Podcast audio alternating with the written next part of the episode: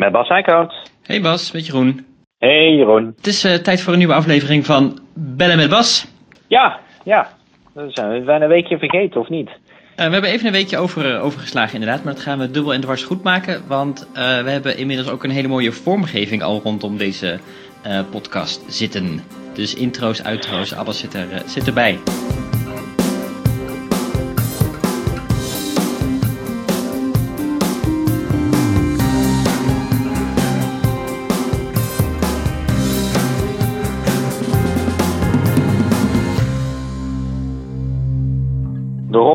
Nou, jeetje. Ja, een professioneel, heel goed, heel goed.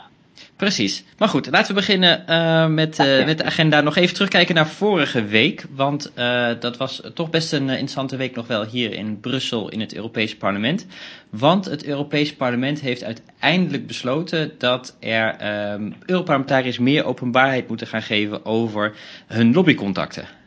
Ja, nou dat was wel hoog tijd. En en dat was wel weer een heel drama. Uh, daar zijn we natuurlijk als Groenen al heel lang mee bezig geweest. Uh, wij doen het ook al wel. De Groenen hebben daar een speciale tool voor, zodat alle groene parlementariërs, waarin ze netjes rapporteren met wie ze, welke lobbyisten ze spreken. Nou, dat lijkt me toch een soort minimale vorm van, van transparantie wie je spreekt. Dat doen wij bij GroenLinks ook al, al een paar jaar. Dus dat, dat, kunnen we, dat kan iedereen al lang terugvinden. Uh, maar wij probeerden dat natuurlijk verplicht te maken voor iedereen, uh, zodat gewoon iedereen weet met wie parlementariërs spreken.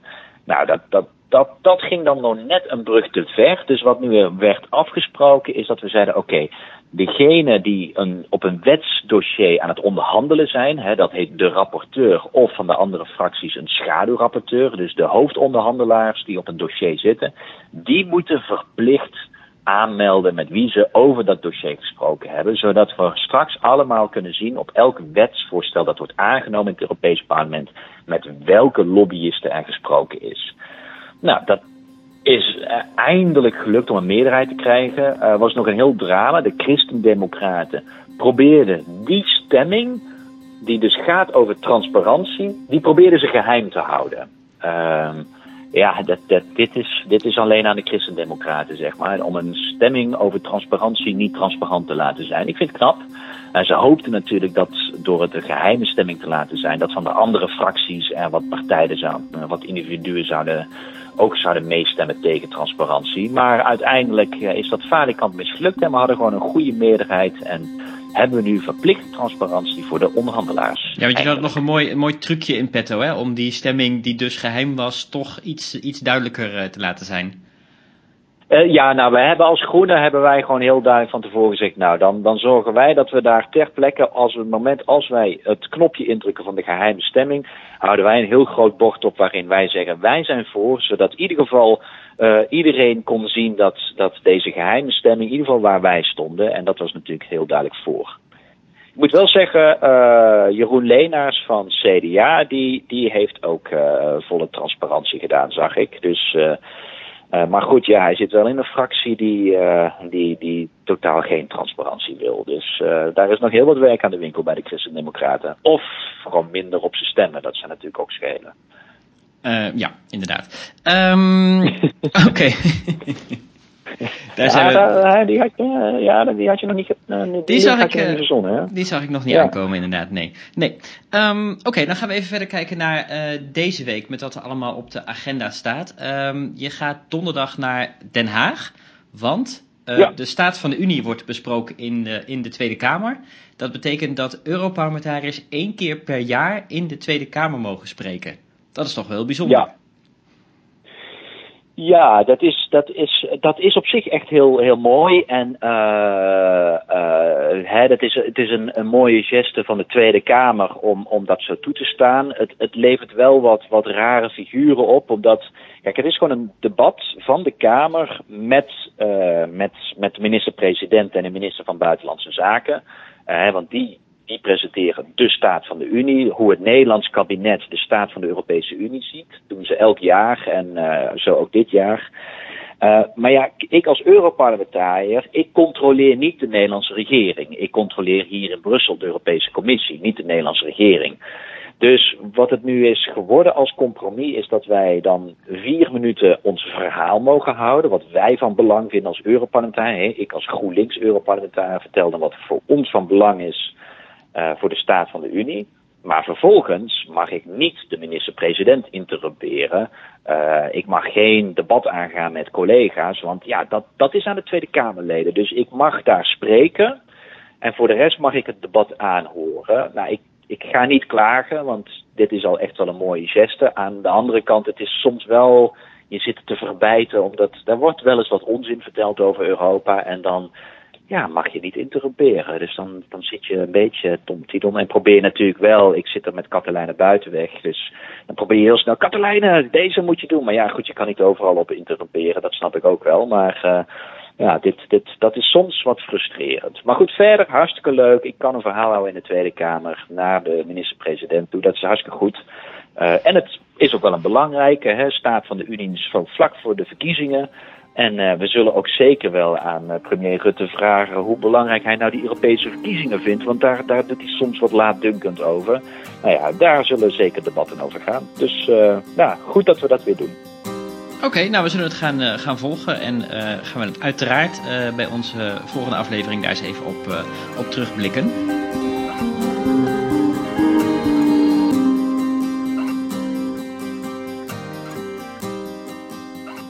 Um, diezelfde donderdag trouwens um, gaan uh, in Nederland scholieren spijbelen voor het klimaat. Um, hier in Brussel ja. hebben we dat al een paar weken achter elkaar gezien en het wordt echt steeds groter. In Nederland de mm -hmm. eerste keer aanstaan, aanstaande donderdag. Ja, ja uh, ik weet dat, dat dat ook wel weer prachtig, de discussie in Nederland. Voordat er een grote actie is geweest, gaan we het hebben over of scholieren mogen spijbelen of in ieder geval niet naar school gaan om hun maatschappelijke onrust te uiten. Dat is een fascinerende discussie.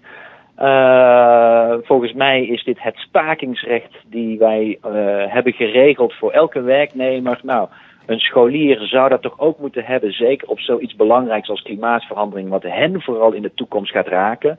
En terecht uh, is er heel veel kritiek van de jongeren dat de politiek te weinig doet.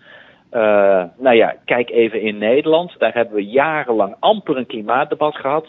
Nu dreigt er eindelijk actie te komen. Hè. Dat, dat, er, er gaat zowaar iets gebeuren. En vervolgens gaat de Telegraaf wat uh, chocoladekoppen in de eten gooien. En je ziet CDA en VVD worden heel zenuwachtig. En hebben het over klimaatdrammers. En zeggen dat er toch ook even een adempauze genomen moet worden.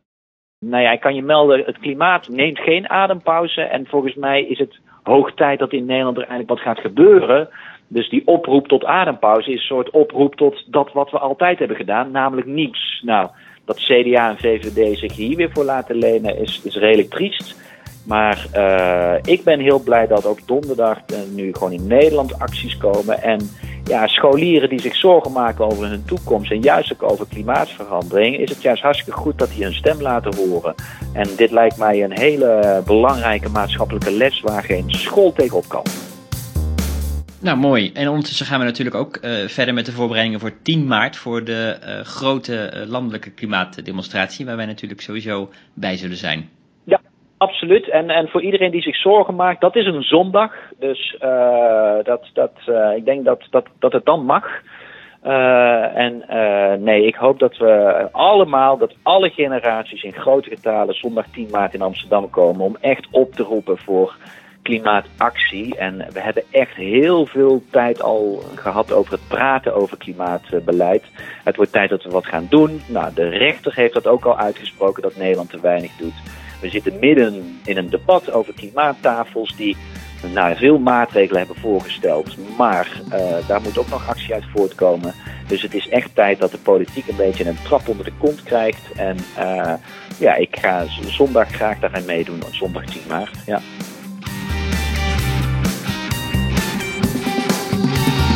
Mooi. En dan nog even afrondend uh, terug naar ons, um, ons vaste thema, onze vaste rubriek. Hoe staat, het, hoe staat het met de brexit? Is daar nog iets nieuws te melden? Heb je daar nu ondertussen ook al een jingle voor eigenlijk? Of niet? Misschien, uh, misschien wel. Misschien moeten we daar aan, aan gaan werken. Ik zal eens, uh, ik zal ja, eens even kijken. De Brexit jingle, ja. ja. Nee, uh, ja. er is in die zin niet zo heel veel wezenlijk gebeurd. Er is natuurlijk een stemming geweest in het Lagerhuis. Uh, waarin er wel zowaar een keer een meerderheid is gevonden. Dat gebeurt niet zo heel vaak op Brexit, dat er een lagerhuis een meerderheid heeft gevonden. Helaas hebben ze een meerderheid gevonden op iets wat dus redelijk onmogelijk is. Namelijk dat ze hebben gezegd van, nou weet je, die oplossing, hè, die backstop voor, voor de Ierse kwestie, die moet eigenlijk maar uh, tijdig zijn. Uh, ja, nou ja, dat is nou net het hele punt. Uh, als, als de Tories onder mee niet onderdeel willen zijn van de interne markt, uh, ja, dan, dan, dan, dan, en je regelt niet iets met de Ierse kwestie, ja, dan, dan, dan, dan heb je een backstop nodig. En dat zij unilateraal nu zeggen, nou weet je wat, die is nogal lastig voor ons, die halen we eruit. En hé, hey, we hebben een meerderheid. Ja, ze sturen eigenlijk mee met een onmogelijke boodschap. En, en in Brussel wordt al gezegd, kijk, we willen heus wel onderhandelen over een andere deal als je met andere randvoorwaarden komt. Maar zolang nee zich vasthoudt aan die rode lijnen hè, van geen interne markt en dergelijke, ja, dan, dan is de deal die is uitonderhandeld, is het beste wat je daaruit kan krijgen. Dus zolang mee haar uitgangspunten niet wil aanpassen, ja, ligt deze deal op tafel, inclusief die backstop. En dat het lagerhuis tegen mee zegt, nou weet je wat, daar vinden wij niet leuk en die, daar hebben we nu een meerderheid voor die dat niet wil ja, dat, daar loopt ze een beetje nu mee dood uh, in Brussel. Ze komt donderdag weer blijkbaar. Maar ja, het, het, is, het is een hoop show, want, want uiteindelijk wordt mee met een onmogelijke opdracht naar Brussel gestuurd. En dat weet ze. Dus dit is meer onderdeel van een spel. Wie krijgt zeg maar straks de schuld? Maar als we zo door blijven gaan, lopen we gewoon keihard af op een uh, harde brexit, een no-deal brexit. Ja, daar heeft niemand wat aan. Dus um, zeer waarschijnlijk gaat er toch binnenkort een verzoek komen, want dat hoor je allemaal uit uh, Londen, van misschien toch maar die deadline wat verlengen. Hè, van 29 maart is nu de deadline. Maar ja, daar vanuit Brussel is ook continu gezegd: kijk, wij willen met alle liefde wel verlengen, maar dan moet er wel een duidelijk argument zijn op welke basis. Als de basis is uh, deze uitgangspunten van nee en vervolgens willen we niet de uitonderhandelde deal, ja, sorry, dan stuur je echt aan op een no-deal. Dus laten we hopen dat, uh, dat er toch nog wat meer wijsheid in het lagerhuis neerdaalt, uh, of in mee.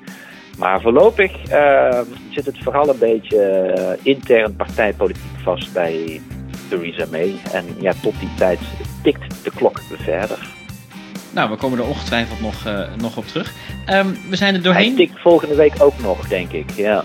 Dat denk ik. Ja, nee, zeker. Het is, maart is al heel snel. Ik, bedoel, ik was alweer ver, verrast, uh, verrast dat het februari was uh, uh, vandaag.